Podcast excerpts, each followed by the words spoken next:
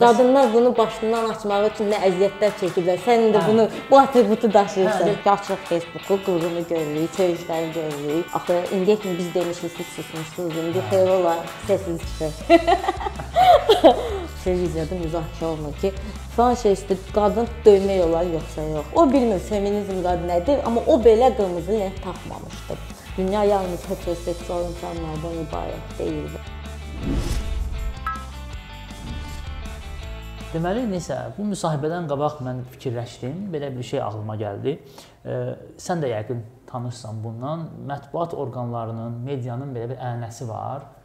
Hər dəfə ilin sonunda soruşurlar adi insanlardan, məşhur insanlardan ki, sizcə bu il ilin sözü nə oldu və yaxud ilin sözləri?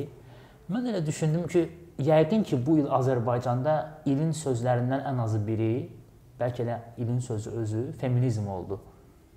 İşte məncə ə, yəni bu il ə, Razılaşırsan yəni. razıyam. Yəni bu il ə, feministlərin ən fəal olduğu, ən yaxşı təşkilatlandığı ə, vaxt oldu. Çünki əvvəllər də feministlər yəni var idi. Belə təşkilatlanma bu qədər yaxşı deyildi, belə deyim də, şəbəkələşmə yaxşı deyildi. Və fəallıq və və fəallıq bu qədər deyildi. Eynən və ya bu fəallıq da zaten ə, təşkilatlanmağın sayəsində oldu. Yəni sosial şəbəkələrdən daha çox bir-birimizi tapdıq belə deyim. Ə, daha ə, müəyyən fəaliyyətlər ə, məqsəd kimi qoyduq və onlara nail olduq. Qanunu da pozdunuz. Çünki iki icazəsiz aksiya eləmisiniz deyəsən bu. Ə, qanunvericidə icazə yoxdur. İcazə almaq deyə bir şey Hə. yoxdur. Yəni onun üçün qanunvericilik pozmuş sayılmır. Yeri gəlmişkən bu təşkilatlanma ilə bağlı dedin. Ə, elə mən bir Azərbaycanda ən çox oxunan saytların birində belə bir məqalə getmişdi. Elə bu ə, feministlərin fəallığından biraz narahat olan ə, orta yaşlı kişilərin ə, rəylərindən ibarət bir məqalə idi. Belə bir orada ifadə var idi ki, Azərbaycanda kişi kultunu bilərəkdən məhv etmək istəyirlər və bunun üçün məqsədyönlü şəkildə iş görən mərkəzmi yazmışlar, nəsə belə bir şey yazmışlar. Elə onu soruşdum ki, sən təşkilatlanma dedin.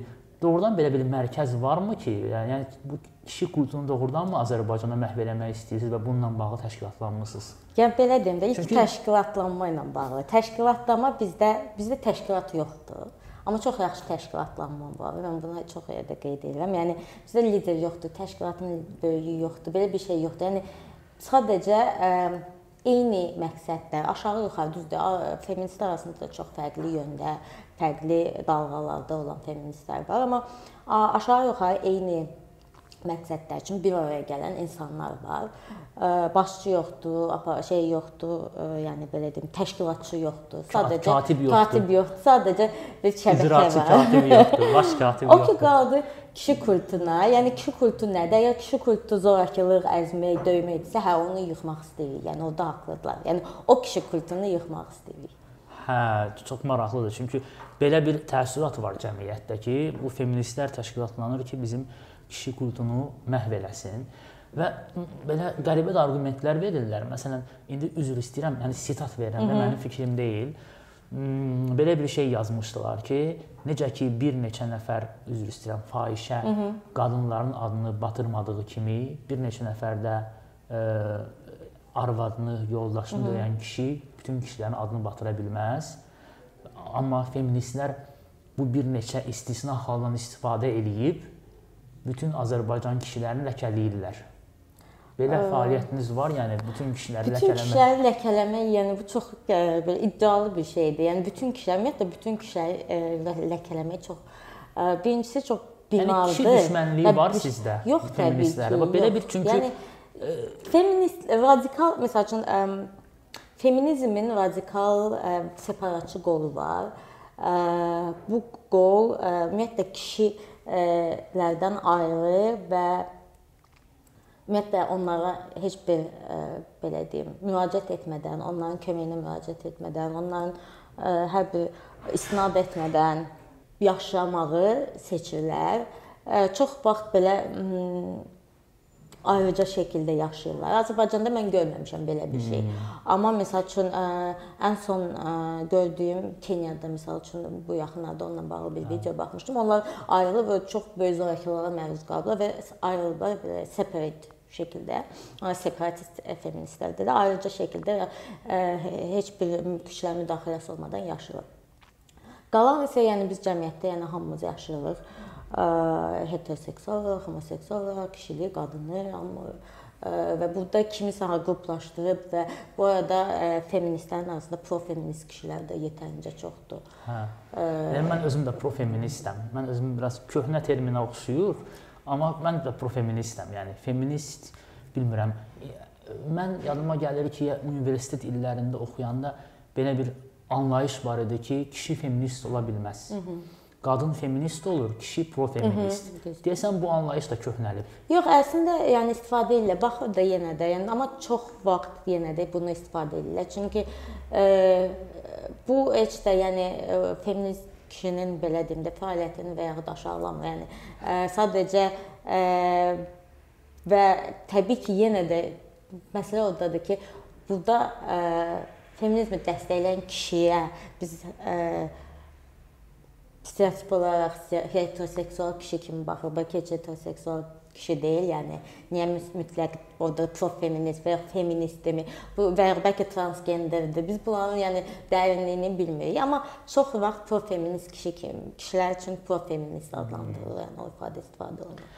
Mən ya bu belə naqolay suallardan başladım, belə maraqlı belə mənə mənim özümə belə qəribə gələn arqumentlərdir, suallardır. Hmm, çünki e, mən bu 1 il ərzində baxıram, e, bu feministlərin fəaliyyəti, yəni siz feministlərin müəyyən fəallığı cəmaətdə çoxlu suallar yaradır. O cümlədən məndə. E, çünki heç də hər şey çox da hamar görsənmir. Məsələn, mənim öz şəxsi təəssüratım budur ki, və səndən onu soruşmaq istəyirəm ki, hər dəfə feminizm mövzusu ictimai gündəliyə çıxanda skandalla çıxır. Yəni mənim artıq təəssüratımda feminizm skandal skandal sözü ilə az qala assosiasiya olsun. Çünki nə bilim, yəni Nə kimi skandal məsəl üçün? Məsələn, deyirlər ki, e, feminist qızlar filan kəslə dalaşır məsələn və yaxud filan hadisə ilə bağlı e, dava salıb Facebookda qırğındır müəyyən qruplarla, nə bilim, hökumətlə, müxalifətlə, QHT ilə, şair yazıcı tayfası ilə, yəni hamı ilə dalaşırlar. Hətta belə bir təsəvvür var ki, ə, yəni feministlər oturub Facebookda bir himə bənddirlər ki, dava salsınlar. Yəni və belə bir tə təəssürat var. Mən indi ə, belə ə, mövqeyinə, rəyinə önəm verdiyim, əhəmiyyət verdiyim bəzi dostlarla da danışdım ki, məsələn feministlərlə bağlı nə fikirləşirsiniz? Bu ə, feministlərin belə davakar, skandal, skandalist olmağı barədə belə bir ümumi deməyim, belə geniş yayılmış bir təəssürat var. Yəni bu nəyə görə olur ki, belə? Birincisi Azərbaycan üçün, yəni mən fikirləşirəm ki, Azərbaycan üçün feminizm yəni yeni bir şeydir və yeni-yeni belə deyim, bayaq dediyimiz kimi bu hmm. il ə, e, daha çox fəallıq göstərdi, daha çox təşkilatlandı və s. Və ə, e, burdan dolayı belə yeni şey olduğu üçün gözə batır. Yəni skandal qalanda mən Facebook açıram, bütün günü skandal görürəm. Partiya partiyanı söyür, futbol komandası futbol komandasını söyür, hamı hamını bir-birindən davadadır. Yəni normaldır. Yəni belə deyim də, yəni, yəni sən bu normal insan ruh, insanın halıdır. Yəni bu skandal. Bilirsən necə? Bax bizim ətrafımızdan danışanda, yəni az çox bir ətraf o ətrafdan ki, bizim Facebookda olan ə, mübahisələr şəxsi qərizli yox, ideoloji mübahisələrdir, düzdür? Yəni kimsə ə, mənə filan cür baxdı, toyda mənə salam vermədi, filan kəsə ona görə arxasına mənə çevirdi, oturdu. Bu söhbətlər yoxdur. Yəni bu bizim çevrədə daha çox ideolojidir. Yəni sağçılarla solçular dalaşır, nə bilim, millətçilərlə liberallar, kommunistlərlə, nə bilim, anarxistlər belə ə, e, davam eləyir. Nə bilim, Fənərbağçəli ilə, nə bilim, Qalatasaraylılar və ə, e, Burada biz alışmışıq ki, açırıq Facebooku, qırğını görürük, söyüşləri görürük. Yox, e, gəlin o qırğından birində biz salaq. Yox, biz salaq məsələsi deyil. Sən də otursan Facebookda, əgər öz ideoloji zidd bir şey görürsənsə, Bunu tənqid edirsən, sən tənqid edirsən. Sadəcə bu tənqid daha yeni bir şeydir. Xüsusilə feminist tənqid, çünki burada yəni əsrlərlə səsi çıxmayan bir kütlə var. Yəni bas səsi susdurulmuş qadınlar kütləsinin ilk dəfə səsi çıxıb və kimsə gəlib ona ə, söz desə onun cavabını qaytarır belə deyim də və yaxud ə, hər hansısa öz ideologiyasına yad bir şey görsə onu tənqid eləyir. Və bu istər-istəməz gözə batır. Yəni ə, və Elə bil o şeydə feminizmi görürlər. Aha, bu feminist kontekstdə. Bu dava feminist kontekstdə. Elə bil belə deyək də, ə, e, skandal ə, e, salmaq okeydir, amma ə, e, qadın skandal salanda artıq hadisə olur. Hə, yəni hələlik elədir. Yəni bəlkə bir zamanlar sonra bu artıq belə bir ajotaj olmayacaq, amma bu ə, feminizm yeni olduğu üçün bu bir ajotaj yerindədir ki, qadınlar skandal salır. Yəni Axı indiyə kimi biz demişdik, siz susmuşsunuz. İndi hə. xeyir ola səssiz çıxır. Bilirsən mənə maraqlıdır. Bəlkə burada sizin də biraz günahınız var. Çünki Nə kimi? Ə, bu ə, mən çox adamdan eşitmişəm, özüm də elə bəzi şeylər görmüşəm. Ə, sizin ritorikanızda çox belə söyüş var. Söyüş və hətta təhqir. Hı -hı. Məsələn, ə, bizim bir ümumi ortaq dostumuz, Hı -hı. indi az çəkməyəcəm ki, hədəf olmasın bir məşhur müxalifətçi partiya sədri və onun partiyası haqqında zibil torbası, zibil suyu yazıb. Elə sən özün, sən məsələn Facebookdakı bir məşhur istifadəçi haqqında yazmısan psixi xəstə. Yəni mən bu psixi xəstə ifadəsinin özünün politkorrekt olduğunu, olmadığını qoyuram kənara da, yəni onu təhqir kimi istifadə etmək özü məncə problemdir. Yəni yəqin ki, bununla bağlı bir şərh verərsən. Amma məsələn adam orada öz rəyini bildirib, konservativ rəydir. Mənim də ola bilər adamdan xoşum gəlməsin. Amma sən götürüb yazmısan ki, bu psixi xəstədir. Və yaxud mənim bir ruhi xəstə. Ruhi xəstə yazmısan. Hə, üzr istəyirəm. Hə, yəni və yaxud mənim bir dostum götürüb, o da feministdir, götürüb bir nəfərin haqqında nəsə yazıb ki, onu kimyəvi yolla axtalamaq lazımdır. Mən də onu sonradan follow-up elədim, soruşdum, zarafat eləyib təbii ki. Amma yəni o Facebookda olan adamlar o yazını oxuyur. Nə smaylik var, nə bir şey var. Tanımıram kimdir məsələn də. Deyir, adam deyir ki, filan kəsi axtalamaq lazımdır kimyəvi yolla. Yəni bəlkə bu ritorika kömək eləmir. Əksinə bu ritorika bir növ insanlarda o təəssüratı möhkəmləndirir ki, bax bunlar davakardılar, bunlar davaya gəlirlər. Bunların fikri qadın haqqları deyil, bunların fikri davadır. İndi belə deyim də, ə, e, məsələ budur ki, ə, e, sən yaxşı bir şey dedin, söyüş və təhqir. Yəni həqiqətən hə. söyüş və təhqir çox fərqli bir şeylərdir. Hı -hı. Mən onun üçün istəyirəm biraz ayrı-ayrılıqda bunlar hə. haqqında danışım. Yəni e, burada deyim ki, yəni şərəf və ləyaqətin təhqir olunması deyilən bir maddə var. Hətta bunlar Hı -hı. heç orada hə. düşmür. Hə. Orada düşmür yəni. Yəni məsələ, yəni belə deyim də, məsələ söyüş, söyüş vulqarizm belədir də, vulqarizmdir. Məsələn, sən ə, ə, söyüş söyə bilərsən, amma heç kəs təhqir eləməyə bilərsən. Nə bilim, səndən soruşurlar günün necə keçdi? Sən bir vulqarizm işlədərək ə, həmin ə, gününü ə, təsvir eləyə bilərsən. Ə, bu bu ifadələr indiyə kimi qadınlar tərəfindən halbuki yəni əslində işlədilib belə deyim də. Yəni nənə bəlkə baxsaq nənələrimiz ata ə, nənələr sözümüzlə və məişət daxilində məişət daxilində işlədilib sadəcə bu ictimai belə şəkildə işlədilməyib qadınlar tərəfindən və ona görə kişilərdə bu biraz qıcıq oyadır. Yəni bir növ e, bu gün vulqarizm işlədən qadın, e, ilk e, şalvar geyən qadın, nə bilim, ilk maşına sürən qadının aqibətini yaşayır. Yəni qəlibə ki, bu kişilərin necə sən onu bir e, nəyinsə almısan əlindən, oturmusan yerində Hı. və ondan narahatlar. Yəni bir növ e, hansısa bir imtiyazlarını kişilərin almısan. Yəni əsəbləşəndə hansısa bir vulqarizm işlətmək. Bu başqa bir şeydir və bu gün mən fikirləşirəm ki, buna hər kəsin haqqı var. Yəni, yəni danışıq tərzin ə, özün seçsən, işlətməyə bilərsən, işlədə də bilərsən, mütləq işlətməli və feministlər arasında bu vulqarizm yaxşı bir şeydir falan deyə bir təbliğat yoxdur və elə bir ümumiyyətlə şey də yoxdur. Emosional reaksiyadır. Emosional reaksiyadır və sən emosional bir şeyə reaksiya verirsənsə işlədə bilərsən. Deyirəm, yəni mən açıb ə, adicə futbol fanatlarının bir-birinə işlətdiyi söyüşləri görürəm. Bir-bir hətta təhqirləri ki, onları da indi keçəcəm. Yəni e, bu da insanlar əsəbləşəndə e, bunu işlədə bilər. Amma, Amma amma feminist kontekstdə müzakirə gedirsə, feminist fərqi yoxdur. Yəni məsələn orada kimsə- kiməsə ruhi xəstə deyilsə, Ruhi xəstə artıq təhqirdir. Mən də ora gəlirəm. Yəni ruhi xəstə məsələn vulqarizm deyil. Aha. Amma təhqirdir. Məsəl üçün sən söyüş söymədən də təhqir edə bilərsən. Ə, heç bir ə, vulqarizm işlətmədən. Təhqir ə, belə deyim, feminist ə, aləmdə çox fərqli ə, fikirlər var bu barədə. Liberal feministlər bunu problem görmür. Çünki hazırki yəni dövrdə sən hər hansısa bir təhqir eşidirsən ki, misal üçün əslində o yazılmış status mənim statusum başqa bir təhqir əlaməti statusda cavab idi.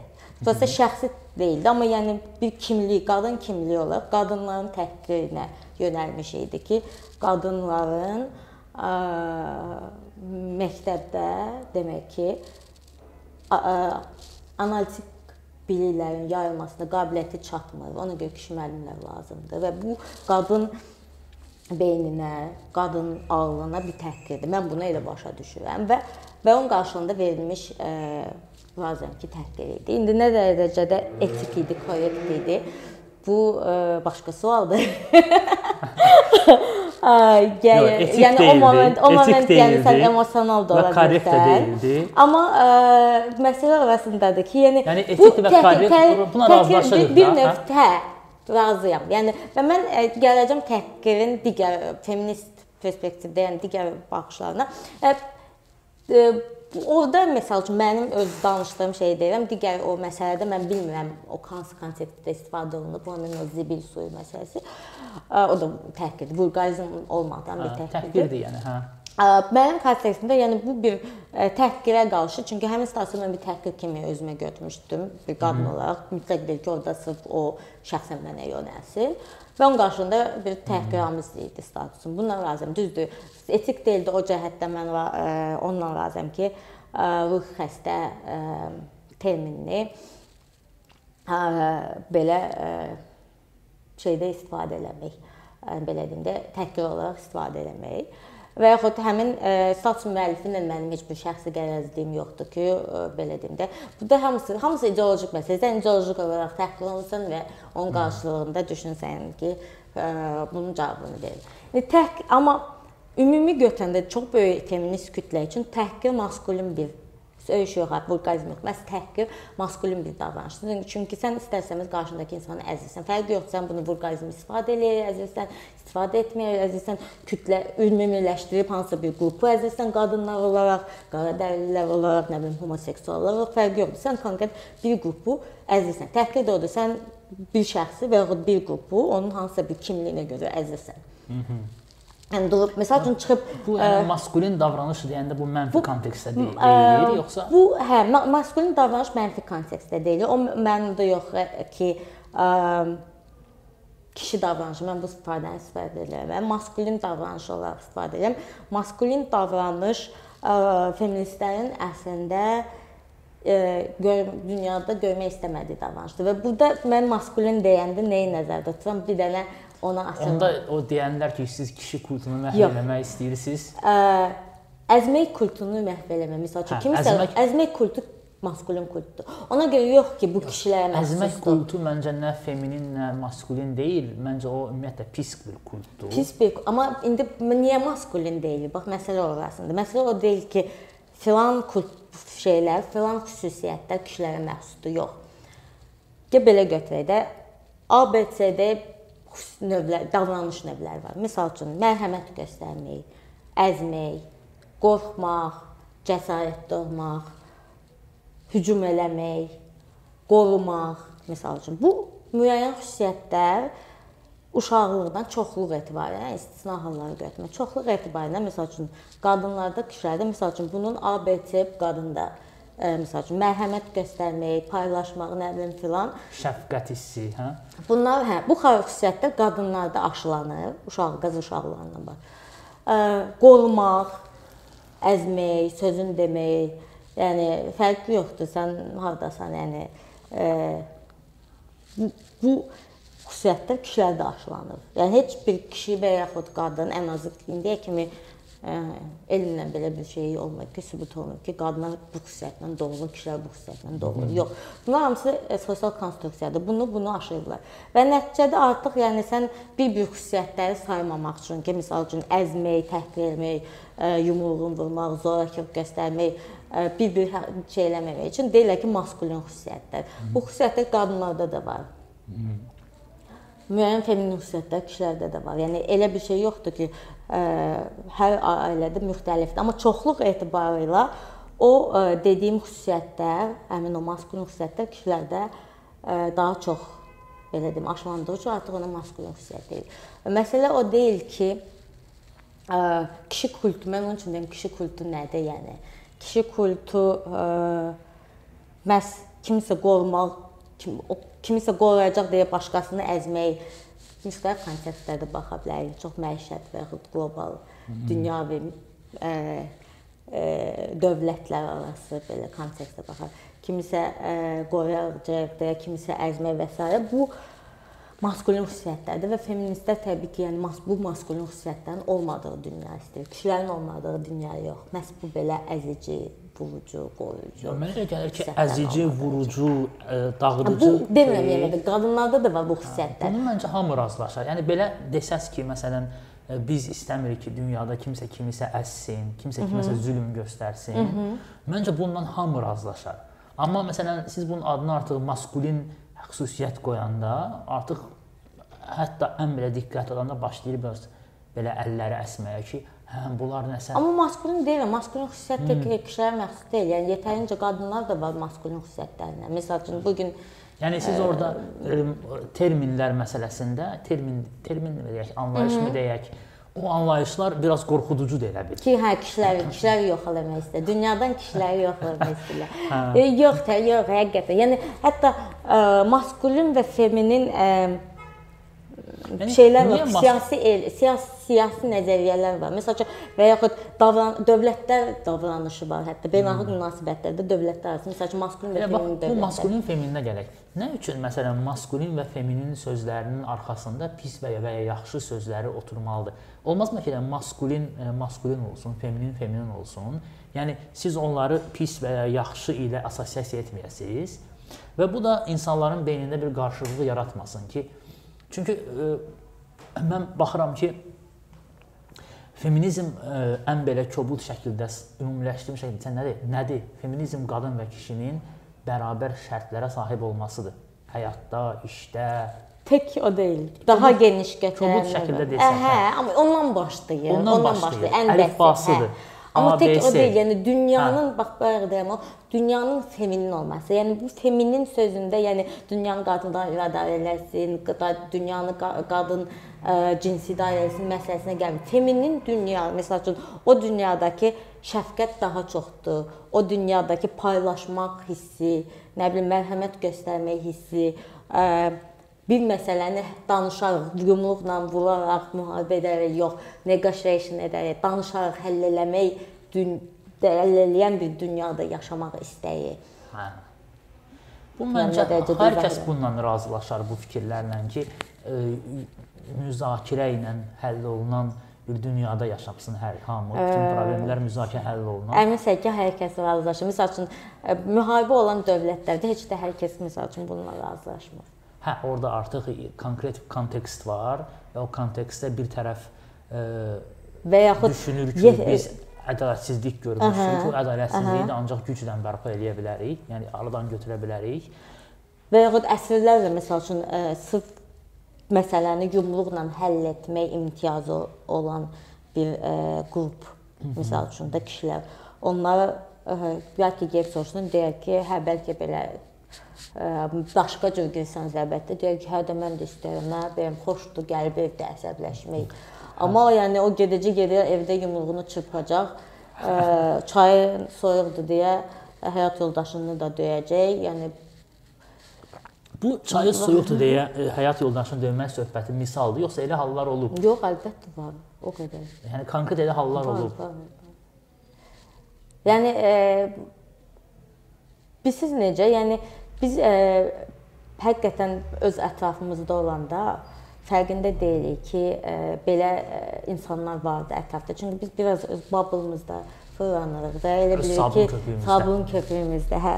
Və elə bilirik ki, hətta bu, yəni hətta o mövzu artıq biz üçün, yəni müzakirə etmirik ki, ayda falan şey üstə döymək olar yoxsa yox da. Amma adi televizor açanda belə görürük ki, o mövzu belə televiziyada müzakirə olunur ki, falan şey üstə qadın döymək olar yoxsa yox. Yəni bizim üçün müzakirə olunmayan mövzu həldir. Və yaxud ə, mən region bəzən regionlara təlimlə bağlı gedirəm. Orda eşitdiyim cümlələrdən biri də o idi ki, hər deyirdi bizim vaxtlar qadın döyürdündə bu qaldı dörd divar arasında. İndi hamı ictimailəşdirir, nə bilim, nə gedirlər, boşanırlar. Kişilərdən eşitdiyim söhbətdir.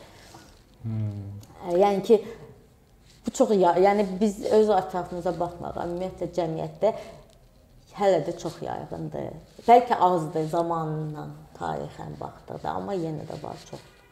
Hə, yəni o düzdür, mətbuatda tez-tez çıxır müxtəlif problemlər, hətta bəzən e, çox sadə problemlər olur da deyirsən ki, məsələn, amma bu təkcə e, qadın-kişi münasibətlərində deyil də. Məsələn, olur ki, 5-10 manatın üstündə bir-birini bıçaqlayıb öldürən adamlar da olur. Amma onun mən belə başa düşürəm, belə bir izahı var ki, adam yığır, yığır, yığır, yığır, yığır, birdən partlayır, da. O da partlayanda bir əhəmiyyətsiz bir işin üstünə partlayır. Kimsə 5 manat borc alıb onu ödəməyib, ona görə vurub onu öldürüb. Amma bu da yəqin ki, e, eyni cürdə, yəni əslində çay soyuqdur deyə döymür. Bizim o ailə ə, ailə həyatının fərəhsiz keçməsinin illərlə yığılan enerji, mənfi, mənfi enerjisidir bəlkə də. Yəni fərqlidir. Orda məsəl üçün var ki, özü bir növ müdir tərəfindən istismar olunur, döy təhqir olunur, bəlkə də hətta hə. döyülür, gəlir evdə özündən zəifi döyür. Hə, Arvad uşağı döyür. Bir-biri sublimasiya, hə. Yəni mən çox ailələr tanıyıram ki, o yəni davam edən şey, məsəl üçün kişi indi yəqin işdə əzilib, gəlir arvad döyür, arvad da uşağı döyür. Yəni bu uşağı özündən pişiyi döyür həyətdə. Eynən. eynən. Hmm. Yəni bir-birinə daha zəifi döyməyə haqq hə.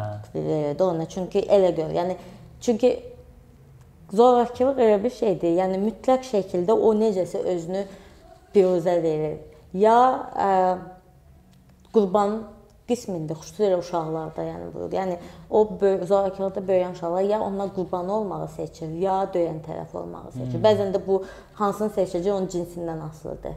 Yəni məsəl üçün əgər ə, qadının anası döyülübsə, o artıq özü də döyülməyi normal bir şey kimi qəbul edir kişinin atası döyübsə özü də döyməyi normal bir şey kimi qəbul edəcək. Böyük, yəni istisna hallar var təbii ki, çox şükür ki, yəni yoxsa əks halda bu həqiqətən heç bitmədən, qırılmadan davam eləyərdi.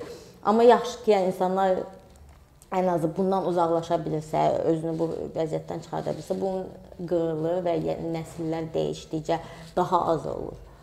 Amma ümumilikdə götürəndə yəni çox kədərli bir Çepoçkadır. Bu zorakılıq məsələsini mən anlayıram. Yəni e, təbii ki, məncə normal düşüncəli olan hər bir insan zorakılığa qarşı, xüsusən də məişət səviyyəsində zorakılığa qarşı çıx əleyhinə çıxış eləyir. Hətta belə söhbətlər var ki, məsələn, gedirəm bir tədbirə ya harasa, kimsə belə odlu alovu danışır, sonra mənə deyirlər ki, dostlar da, bəs bu evdə arvadını döyür əslində. Amma yəni e, belə deyək də, bir növ insan hətta o işi görsə də başa düşür ki, səhv iş görür. Hə. Amma məsələn mənim ə, e, diqqətimi çəkən başqa bir məqam var ki, bəzən siz ə, e, bu feministlər qrupu ə, elə şeylərlə dalaşırsınız, mübarizə aparırsınız ki, onlar mənə o qədər də əhəmiyyətli görünmür. Məsələn, ə, nə bilim, nə misal verə bilərəm? Hə, məsələn, tutaq ki, nə nə üçün ə, insan hamının soyadı kişi soy, kişi adlarından gəlir də. Məsələn, Hı -hı. Məmmədovdur, məsələn, Məlahətov deyil, Hı -hı. məsələn. Və yaxud da qırmızı lent. Hı -hı. Toyda bağlanan qırmızı lent. Sənin də onunla bağlı bir Hı -hı. əhvalatın var. Hə, yəni ki, mən məsələn açıq desəm, mən qırmızı lentin tarixən hansı məna daşıdığını feministlərdən öyrənmişəm. Mən heç bilmirdim. Elə bildim bəzəkdir. Sonra bir-iki nəfər dost tanışdan soruşdum. Ya bilmədilər, dedilər, hə, feministlər deyəndə biz də bilmişik. Yəni mənim belə deyək, bir e, biraz fəlsəfə sözü böyük çıxır. Mənim bir belə bir qaydam var özüm üçün. O şey ki işləyir və heç kəsə ziyanı yoxdur və heç bir mənfi fəsadı yoxdur. Onu niyə məsələn dəyişmək üçün və əgər insanlar da bunu dəyişməyə tənbəllik edirsə, o məsələn niyə dəyişək? Məsələn bax indi deyirlər ki, məsələn soyadlar Hı -hı. Məmmədovdur, Əliyevdir, hə? Niyə məsələn Məlahətov deyil, məsələn Şəfaqətov deyil? Hı -hı. Məsələn Bu məsələn indi bu tarixən formalaşmış bir ənənədir. Tarixdə belə formalaşıb. İndi məsələn kiminsə soyadı Məmmədov yox, Məlahətov olsa, o bir şey dəyişmir əslində. O sırf formallıqdır, Hı -hı. yəni. Məsələn mənə elə gəlir. Və yaxud qırmızı lent. Yəni gəlin gəlinlik paltarıdır, orada bir qırmızı lent var. Qıratın estetik baxırsan qəşəng görsənir və onun arxasındakı o məna, tarixən olmuş bir məna.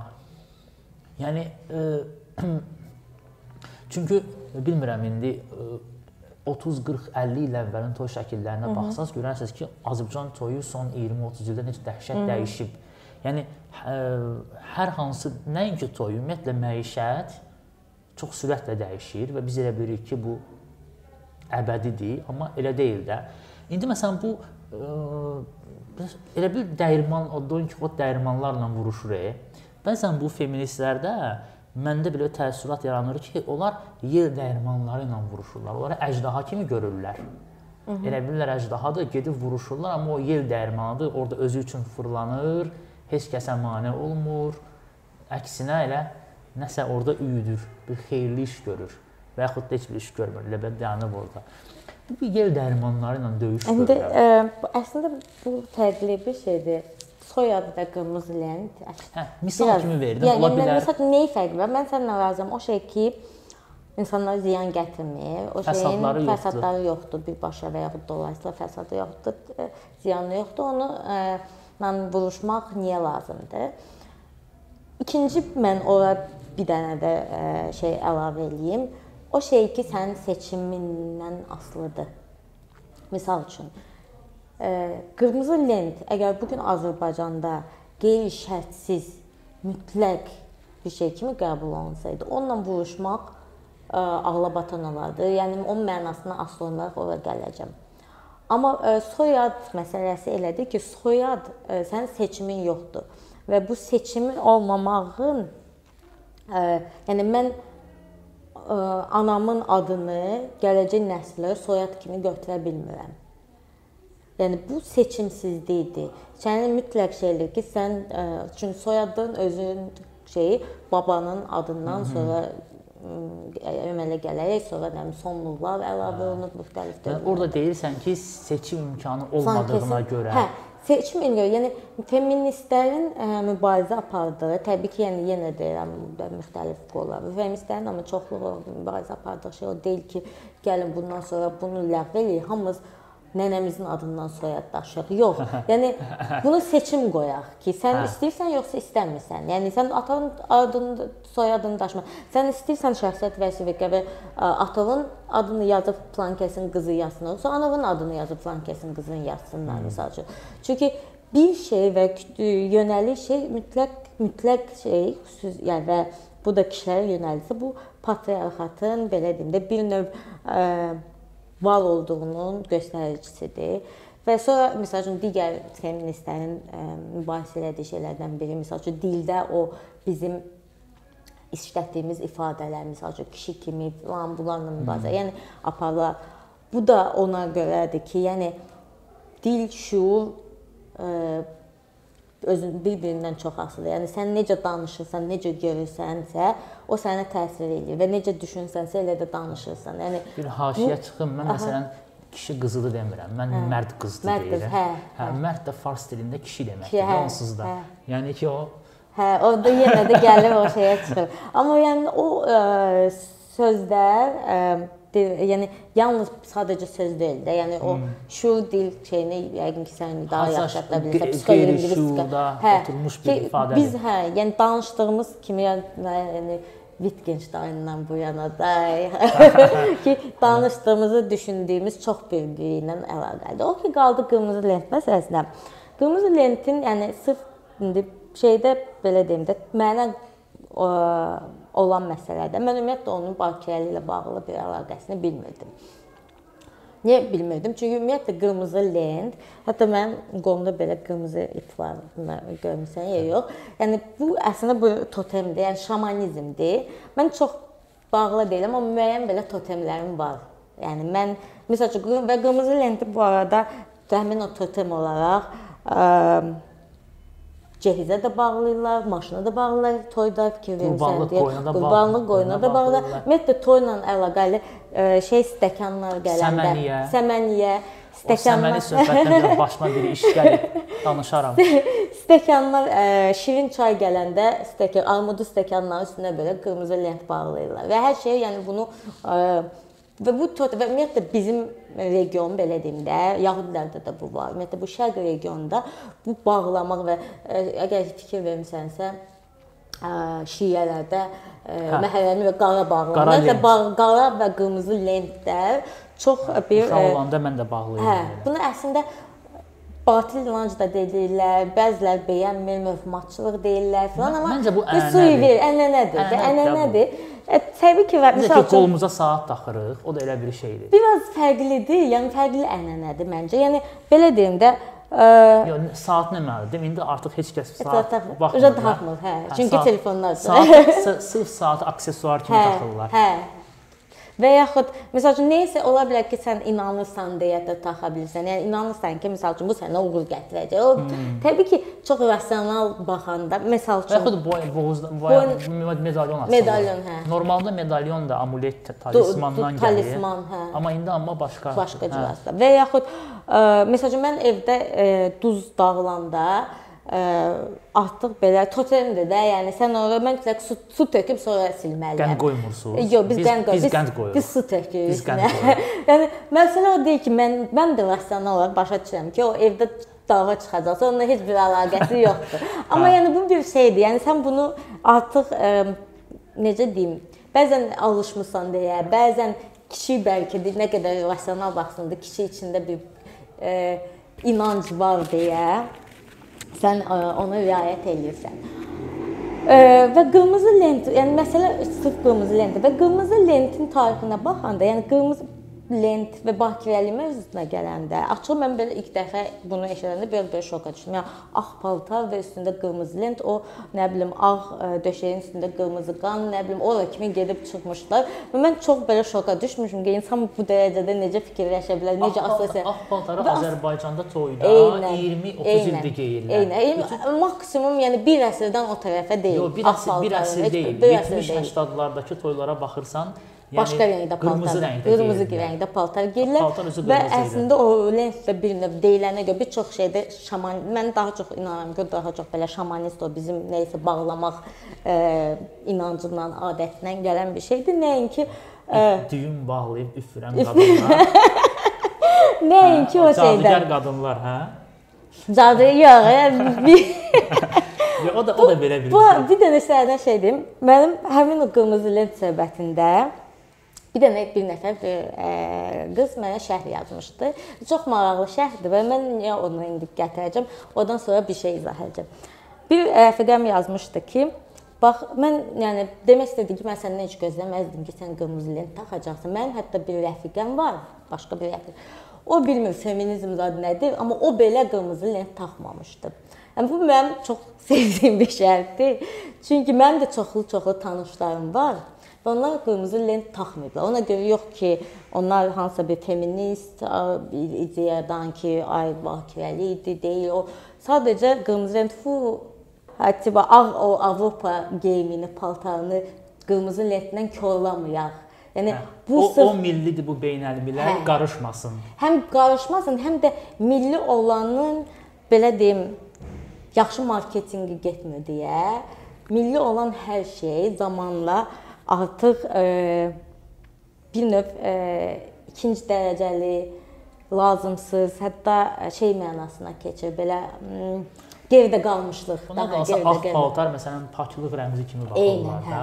Avropadan gələn o ağ paltar rəmzi şeyi sırf paklıq rəmzidir. Yəni əslində o ağ paltar. Çünki onun ə, belə deyim, qlobal marketinqi yerli qırmızı lenti marketinqdən daha şeydir və başqa bir misal da sənə deyim. Bu gün mən ə, məhəlləmlikdə ə, hədiyyə bişirib aparsam qonşuya və yaxud hətta hansısa bir rəfiqəmə. Mənə deyəcək ki, sən belə şeylərə inanırsan. Amma üstündən bir müddət sonra baxacağam ki, həmin rəfiqəm Buta Palace-da Halloween qeyd edir. Hə. Və oturub müqayisə etsən və yaxud tutam Ramazan bayramı olsun tutam. Mən Ramazan bayramında aş bişirib desəm ki, mən Ramazanda qəbzə aş bişirmişəm. Deyəcək ki, "Qoş Ramazan." Amma Halloween qeyd eləmək bu cooldur. Yəni bu əslində baxsa mahiyyət etibarı heç birinin çox da fərqi yoxdur, düzdür? həmin adam yəqin ki, heç birini o qədər də, yəni Heç birini hə, dini olaraq qəbul edir. Və yaxud ə, türklər ə, buna mövlud deyil, səhv eləmirəmsə, peyğəmbər Məhəmməd onlar xüsusilə Azərbaycanda mən görməmişəm. kandili, Hə, hə. kandil. Onlar peyğəmbərin doğum gününü hə, qeyd edirlər. Məsəl üçün Christmas bu gün bəhbəhlə Christmas qeyd edən Azərbaycanlıların yanında desən ki, mən Məhəmməd peyğəmbərin doğum gününü qeyd edirəm, olacaqsan belə dindar çuşqa Vəbşə başa düşməyəcəklər ki, sən belə neynirsən ki? Sən çox feministsən. Biz axı heç bir şey girmirsən feministə və Məhəmməd peyğəmbərin ad gününü qeyd edirsən. Amma Christmas qeyd edə bilərsən, o olar. Hmm, Yer gəlmişkən mən artıq baxıram yeni il əvvəl qeyd edirdik də biz Hə, normalda indi elə Christmas deyirlər. Artıq ayın 25-də, 24-də artıq təbriklər gəlir ki, Milad Hə, hə, Happy hə. Happy Happy Christmas. Christmas. Yəni Happy Christmas deyən adamlar, yəni çoxsu və inanclı da deyil, şey dedi. Sadəcə bu e, belə deyim də, təbii ki, Azərbaycanda müəyyən yenə də deyirəm, bəlkə ha nə vaxtsa bu bayramları da çox yaxşı marketinqə çevirsələr, kiməsə sərf eləsə, bəzən nəyisə sərf eləyir, onun da marketinq, məsəl üçün Kəlağayı. Kəlağayı bir 10 il qabaq mənim yadımdadır. Hətta mən Şəkidən özümə bir kəlağay almışdım və mənim kəlağayı ilə görən adam dedi ki, nə nə nənələrin taxdığı şeyi taxırsan. Sonra kəlağay döndü oldu belə e, bir qlamur qadınların taxdığı bir obrazda. Kimsə onu yaxşı bir marketinqini Hətta apardı. UNESCO-nun siyahısına düşdü. Siyahısına düşdü. Qeyri-maddi Yaxşı marketinqini apardı. Hə. Amma indi bunu bir-birinə belə ən yüksək səviyyədə hə. insanlar hədiyyə eləyir. Və bu dəyişməsəydi, yəni ə, əminəm ki, bu gün hətta feministlər arasında da elə bəlkə insanlar olardı ki, deyərdi ki, Yeri gəlmişkən Kəlağayı kəlağayı? Arvadlar bunu, qadınlar bunu başından açmaq üçün nə əziyyətlər çəkiblər. Sən indi Hə. bunu bu atributu Hə, daşıyırsan. elə Kəlağayı demişkən biz bu hicab məsələsi. Çünki mən çox mübahisə görürəm. Bir qrup feministlər deyirlər ki, hicab ə, ə, qadının azadlığı, bir qrup deyir ki, hicab qadının həsarətidir. Bax səni bu deyil, milli milli beynəlmiləl kontekstdə bu da düşür, yəni yoxsa Hə. Hə, çünki bilirsən necə ə, bu ə, biraz fərqli kontekstdə düşür. Ə, hicabı ə, hicab məsələsində biraz fərqli şeylər var, belə deyim də baxışlar və məs məsələlər var. Bir odur ki, hicabda, yəni dindar inanclı olmayan insan dini və xüsusilə indi bu dəqiqə İslam dinindən söhbət gəlsə, orada dindən gələn hər şey kişilərin sözü kimi qəbul edilir. Yəni Tanrı da bizdə həmişə Allah baba şeyində olur. O yəni kişi. kişi. O kişi. Kişi mütləq. Halbuki yəni din özündə deyirlər, hə, o o kişi. kişi. Bir Allah baba, o kişi. Yəni sən uşaqlıqdan artıq onu bir kişi, saqqallı kişi kimi şey eləyirsən. Yəni bu özü də bir şeydir. Yəni səni hansı ki əslində İslamda Allah konsepti antropomorf Hə. deyil. Yəni qətiyyən hə. xristianlıqda Xristianlıqda şeydir, kişidir. hə. Amma e, İslamda deyil. İslamda ümumiyyətlə onu Cinsi yoxdur, hətta deyir də. təsvir Hə. etmək də düzgün deyil.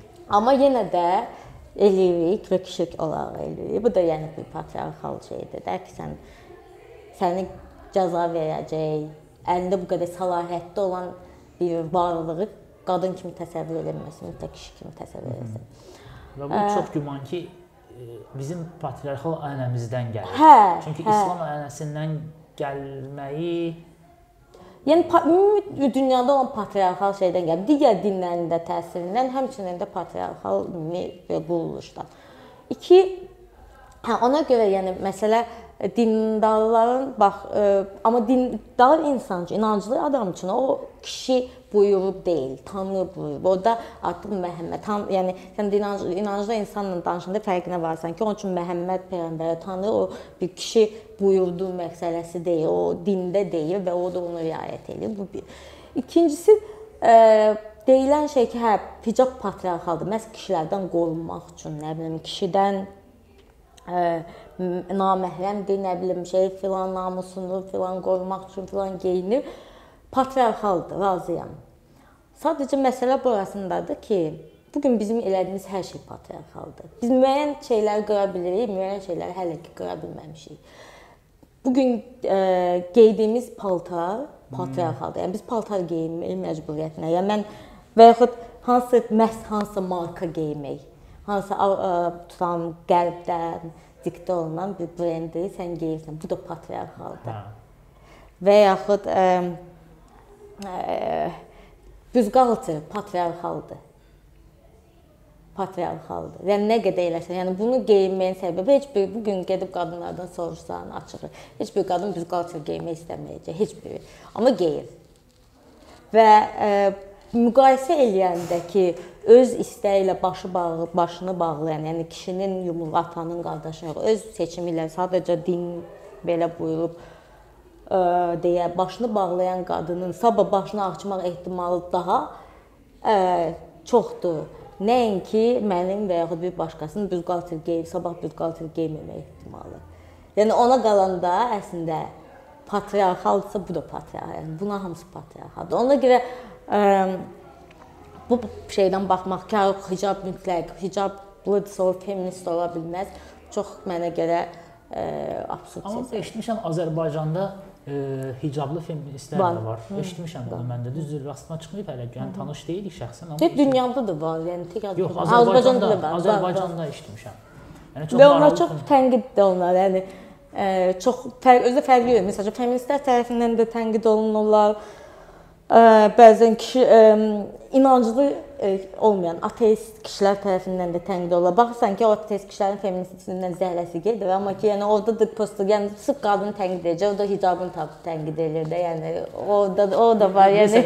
salır. Bu Avropalı Avropa sayım indiki sağçılar haqqında deyirlər. Hı -hı. Deyirlər ki, bunlar çox konservativ ənənədən gəlirlər və onlar əslində belə azlıqlara qarşı, milli, dini, cinsi Hı -hı. və s. çox konkret mövqeləri olan adamlar olub da, sərt mövqeləri. İndi bunlar ə, dururlar, məsələn, özlərini müasir göstərmək üçün başlayırlar Avropa dəyərləri, aha, liberal aha. dəyərlər filan filan təbliğ eləməyə. Halbuki əslində özləri birinci ona qarşıdırlar. Amma güya bu yolla özlərini hə, İslam təhlükəsi hə. ilə filan. Hə, biraz o da var. İndi bizdə də məsələn belə bir maraqlı şeyi sən də desən, mən də onu görmüşəm ki, məsələn inanmır, məsələn özü Hı -hı Amma gedir məsələn bir öz anlayışındakı məsələn müsəlman Hı -hı. stereotipinə və yaxud feminist Hı -hı. stereotipinə və yaxud başqa bir Hı -hı. stereotipə uyğun olmadığında sən necə müsəlmansan, sən necə feministsən, Hı -hı. sən necə liberalsan. Hı -hı. Bu da problem var. Amma ə, e, gəl elə sonda səndən bir sual da soruşum. Ə, e, ki, bu da mənə dəhşət qaranlıq qalır. Ə, e, deməli baxın mənim bir şəxsi təəssüratım var. Tutaq ki, sənlə mən söhbət edirəm, nəsə bir fikir bildirirəm və sən onun fikrin ə, e, nə bilim belə deyək də ə, e, seksist olduğunu mənə deyirsən, arqument gətirirsən. Hı -hı. Mən də indi ağıllı adamam. Əgər arqument ağla batırsa, qəbul eləyirəm. Deyirəm, hə, bax bu belədir. Amma sonra bax gedib başqa bir feministlə söhbət edirəm. Bu dəfə o onun tam əksini mənə deyir. Mən də çaşıb qalıram. İndi bir dənə adi bir misal məsələdir. İndi biz e, biraz köhnədən qalanlardanıq da. Məsələn, bizə öyrədiblər ki, qadınla salamlaşanda heç vaxt birinci əlini uzatma. E, salam ver başınla, soruş necəsən? Əgər qadın əlini uzatsa, onun əlini onda sıxa bilərsən. Yəni qadına birinci əl uzatmaq tərbiyəsizlikdir. Belə tərbiyəsizlik, Hı -hı. belə deyirlər bizə.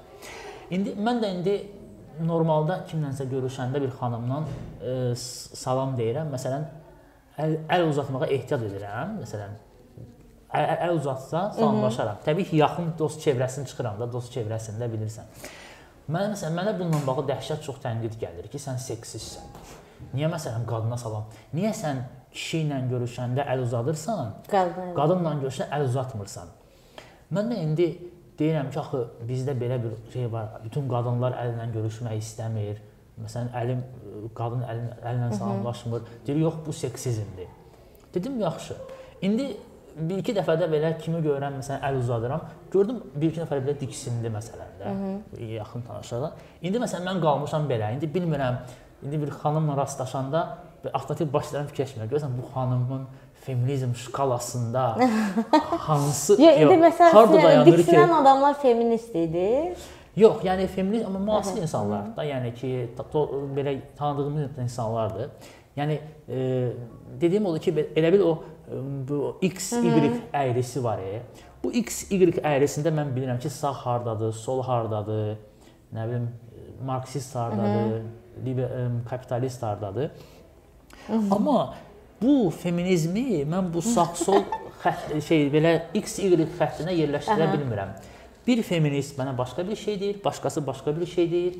Bir-birlərinə zidd gedirlər.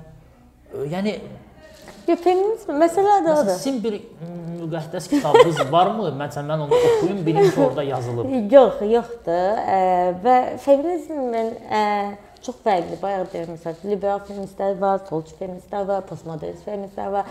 Çox fərqlidir. Bəzi şeylərdə üst-üstə düşmür fikirlər. Çox şey var yəni sən ziddir, hətta ziddir. Sən dediyin misal üçün, misal ən hətta bəlkə çox belə bəsit misal, çox böyük bir şeylər var. Misal üçün ki, orada ə, belə fundamental şeylər var ki, orada belə misal üçün ziddiyyətlər baş verir. Ə, misal üçün işləmək. Misal üçün. Burada ə, liberal feminist qadının işləməsinə bağlı, liberal feministlə ə, solçu feministin və postmodern fe- feministlərin oturub baxsam, məsəl çox fərqli-fərqli yanaşmalar var. O qaldı əl verməyə. Məsəl üçün burada əslində ə, bərabərlik baxış açısından, yəni sən və qarşındakı insana əl verməlisən. Yəni salamlıqda yaxınlaşmısan, yəni əl versənsə, qadına da kişiyə də eyni əl verməlisən. Sadəcə ola bilər ki, bunu problem edən feministlər var. Bu bu da biraz ə, şeylə bağlıdır. Ə, private space ilə bağlıdır. Yəni sənin bir ə, private yəni özəl Hə. çevrəndə, belə deyim, özəl Yəni mənlə qarşı adamsam qarşı hə, məsafə, məsafə, hə. olmalıdır. O məsafə ilə bağlıdır ki, bu məsafə ilə bağlıdırsa, əslində sənin kişiyə də əl verməyin düzgün deyil. Yəni əgər məsafə məsələsi. Yəni bu ki, artıq əl verib görüşmək dünyada qəbul olunmuş şeydir. Yəni nə qədər hətta ən məsafəli insanlar belə, məsəl üçün ə, xalqlar var ki, onlar görüşəndə 4 dəfə bir- bir-birinin yanağından öpüşür. Hmm. Xalqlar var ki, gəlib ancaq əlinə sıxır. Yəni orada insan həmin xalqların nə dərəcədə belə deyim də Ən yaşlı taciklər kimi belə. Hə, yəni. yaxud hə heç Rahmot, toxunmayan Rahmot. xalqlar da var Hə. bu arada. İndi belə mən də belə eləyəcəm. Çünki məni çətin vəziyyətə salmısınız. Yox, yəni mən, Belə mən düşünürəm ki, sənin seçimin, yəni sən sən özün orada seçə bilərsən və sənin ə, seçdiyin şey ə, eyni dərəcə. Yəni əgər sən ə, sırf ə, kimisə o məsafənin qorunmasını, ku- məsafəsinə hörmət edirsən, şəxsi məsafəsinə hörmət edirsənsə, sən ə, onda heç kəslə əl verməməlisən. Yox, əl verirsənsə, onda qadına da kişiyə də əl verməlisən. Yox, qadına əl verirəm təbii. Sadəcə ə, məsələ odur ki, birinci sən əl Hə, uzatmamalısan söhbətidir. yox, yox, o artıq o etik şeylər, o etiket qaydaları uje Hə, etiket şeydir. Biraz hə, məsələn bax bayaq bayaq sö- söyüşlə də bağlı dedim ha. Mən məsələn e, etiket tərəfinə, etiket yəni davranış qaydaları. Davranış qaydaları tərəfinə bəlkə belə e, çox önəm, diqqət verirəm, yoxsa davranış qaydaları məsələn söyüş mənim fikrimcə bu bir oturmuş bir davranış qaydası var. Onu kobud şəkildə pozur. Yəni mənim üçün fərqi yoxdur. Bu kişi söyür, qadın Təhqir söyür. yoxsa söyüş? Söyüş, təhqir və s. İndi mən də əsəbləşəndə ki, məsələn, murdar tarakan, əfi ilan deyə bilərəm. Amma bu bu fərdi kontekstdə olur. İctimai diskursda çalışıram onu işlətməyim. İctimai diskur, ictimai əgər söhbət edirəmsə.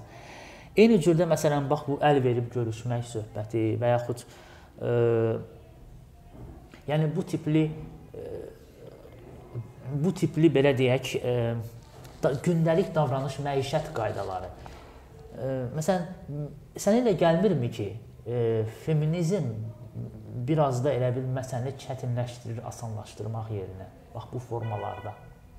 Yox, ə, bu tək məsələ feminist yox, ümumiyyətlə bu politik korrektliyi çox tənqid edirlər də. Əslində sən dediyin şey ona da aiddir. Yəni tək məsələ feminist kontekstdə deyil.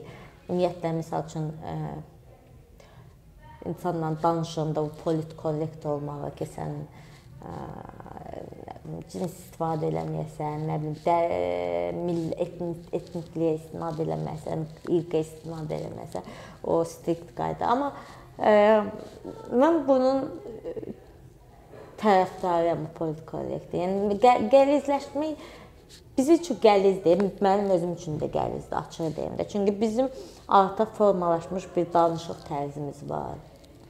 Davranış tərzimiz var kişinin görəndə əl uzatmaq, məsəl üçün qadın görəndə gözləmək ki, o əlini uzatın. Bu o alışdığımız şeydir. Amma ə, məsələ odur ki, alışdığımız şeylər hamısı yaxşı şeylər deyil. Yəni ə, bəzən ə, o şeylərə şey ə, yəni yenə deyirəm, əgər alışdığın şeyin heç bir əhəmiyyəti, ictimai əhəmiyyəti yoxdursa, hansısa ə, kiməsə qeyri-verbal və verbal nə isə demirsə. Çünki e, qadına əl uzatmaq bir növ qadına qeyri-verbal olaraq e, mən sənə toxuna bilmərəm. Sənin e, icazən olmadan deməkdir.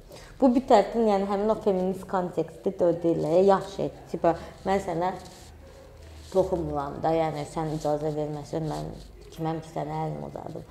O Harvey Weinstein skandalından hə, sonra hə, necə o ə, Hollywood aktyorları şəkil çəkdirəndə hamısı əllərini hə, belə hə, arxada hə, belə gizlədir, hə, xanımlarla dayananda. Hə. Amma məsələ odur ki, yəni axı biz yaşadığımız dünyada məsələ şey münasibət tək qadın kişi münasibətdir. Yəni bu gün bu gün yox, ömrüm boyu belə olub. Yəni və sadəcə biz bunu artıq daha yaxşı dərk edirik yəni dünya yalnız heteroseksual insanlardan ibarət deyil və sən kişiyə də onda əl uzadanda onun icazəsini istəməlisə, bilmirsən o qarşındakı kişinin onun sənin əl uzatmağını necə qəbul baxmamışlar. Düzdür. Hə. Hə, nisə yekunda elə ə, o persən məsələyə perspektivli soruşmaq istəyirdim. Çünki 2019-u artıq geridə qalır, bitir. Yəni 2019 ə, bu məsələ baxımından, feminizm məsələsi baxımından çox əhəmiyyətli oldu. Düzdür, indi ola bilər biz ciddi, əhəmiyyətli, gözə girən bir şey görməyək dəyişiklik mənasında, amma ən azından e, cəmiyyətin bütün təbəqələrində bu diskurs, yəni qadın haqqları, qadın-kişi bərabərliyi, e, qısnama məsələsi, bullying deyirsiz ona, sonra zorakılıq, məişət zorakılığı, bunlar hamısı artıq ictimai gündəlikdən də əlavə bir də insanların məişət söhbətlərinə də gəlib çıxdı. Yəni bu özü bir uğurdur. Əgər danışmağa başlayırıqsa problemin barəsində artıq o 50% həll eləmişik. Mən buna belə baxıram. İndi sən perspektivdə nə görürsən? Gələn il, növbəti illər hansı addımlar atılmalıdır? Nə baş verə bilər?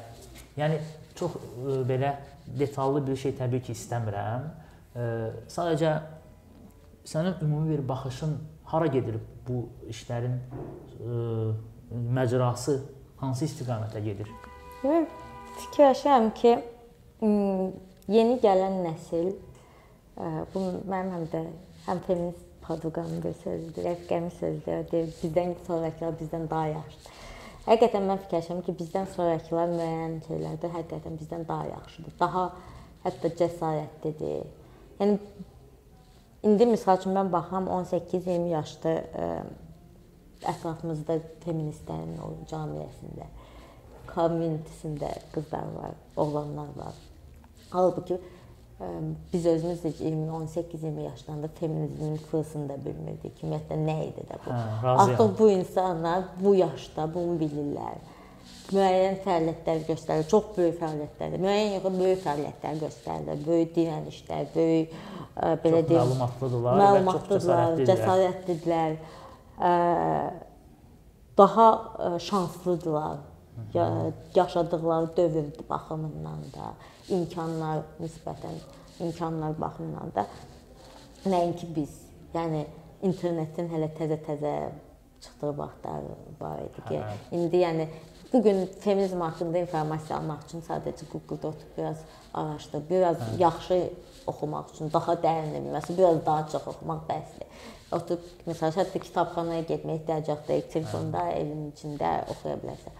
Bu hamısı ətrafda ən azı məsəl üçün bizim nəsil var kim ki, onların gözün qabağındadır. İndi biz nə qədər yaxşı, pis bilmirəm, amma ən azı müəyyən dərəcədə bir şey varıq da, yəni ki, onları biraz bəlkə o cəsarətdir. Çünki bunu görmüşəm nümunə, nümunə, nümunə olaraq bəlkə hə ki, biraz şey ki, qeyri-təvəzzökar səssən, amma Həqiqətən pis də ola bilər, yaxşı da ola bilər. Nümunə sözünü işlətmək olar. Onu həqiqətən hiss edirəm. Məsəl üçün e, bu e, bizim e, şeydən e, şəbəkədən kənarda olan gənclərin arasında görmüşəm. Məsəl üçün bəzən danışılır və görsən ki, əslində sən danışdığın şeylər onlar düşünüb, amma heç vaxt dilə gətirməyib, utanıb və yaxud fikirləşib ki, onun dəli kimi baxacaqlar. Yəni nə bərabərlik, çox konservativ bir regionda, mühitdə. Amma sən danışanda belə göz işləyir ki, aha, demək ki, mən tək deyiləm də belə fikirləşim. Bu özü böyük bir şeydir, çünki ona bir cəsarət verir. Deyə mən açıq yaşlı nəsil belə pis çıxmasın, yəni şey o diskriminasiya, ageizm çıxmasın. Amma mən öz nəslimdə artıq da başa düşən nə isə, hansısa bir ə, belə deyim də düşünə bilən insan artıq düşünə bilir bu, bu kimi. Amma ondan o tərəfə öz yaşadığım insan 30-dan sonra bir insanı oturub məsəl üçün mən feminizm baş salmaram heç vaxt. Yəni durum ona ə, budur. O çünki bu adam ə, o vaxt başa salıram ki, müəyyən dərəcədə həqiqətən bu adamın bazası var. Hə, o bəlkə müəyyən şeylər başa düşür. Amma durub 35 yaşında adama, ə, evdə arvadını döyən adama mən feminizm 40 yaşında evdə arvadını, hətta 30 yaşında, hətta bəlkə 25 yaşında adama ki, hansı ki fikirləşir ki, ə, qadın özünü məsəl üçün falan cür aparmaz, şortik geyinməz, ona durub feminizmlə danışmaq mənə gəlir ki, ə, çox mənasızdır. Ondan yaşlıdan ümumiyyətlə danışmıram. Amma 18 yaşında, daha uşaq vaxtında insanların nə qədər daha çox məlumat. Bu yaxınlarda eşitdim ki, hətta bir özəl bir məktəbdə, düzdür, məktəb özəldir, bir, onun da özəl olduğu üçün imtiyazları var, beynəlxalq bir məktəbdir. Azərbaycanda kampaniya başladıblar zorakılığa qarşı və öz məktəb illərimi düşündüm, yəni və müqayisə elədim, dedim ki, yəni həqiqətən şanslıdır. Orada kim kimi tuturdu, başına qapaz çırpırdı. Hə, hə. Hə. İnşallah o günlər təzə nəsil o günləri görməsin, hə? Hə, ümid edirik. ümid edirik. Çox sağ olun Nisə, maraqlı, sağ mənə görə maraqlı söhbət oldu. İndi yekun qərar bizim izləyicilərdə olacaq. çox sağ, sağ ol, təşəkkür edirəm. Mən də çox sağ ol deyirəm dəvət üçün. Maraqlı, ürəyimi boşaltdım.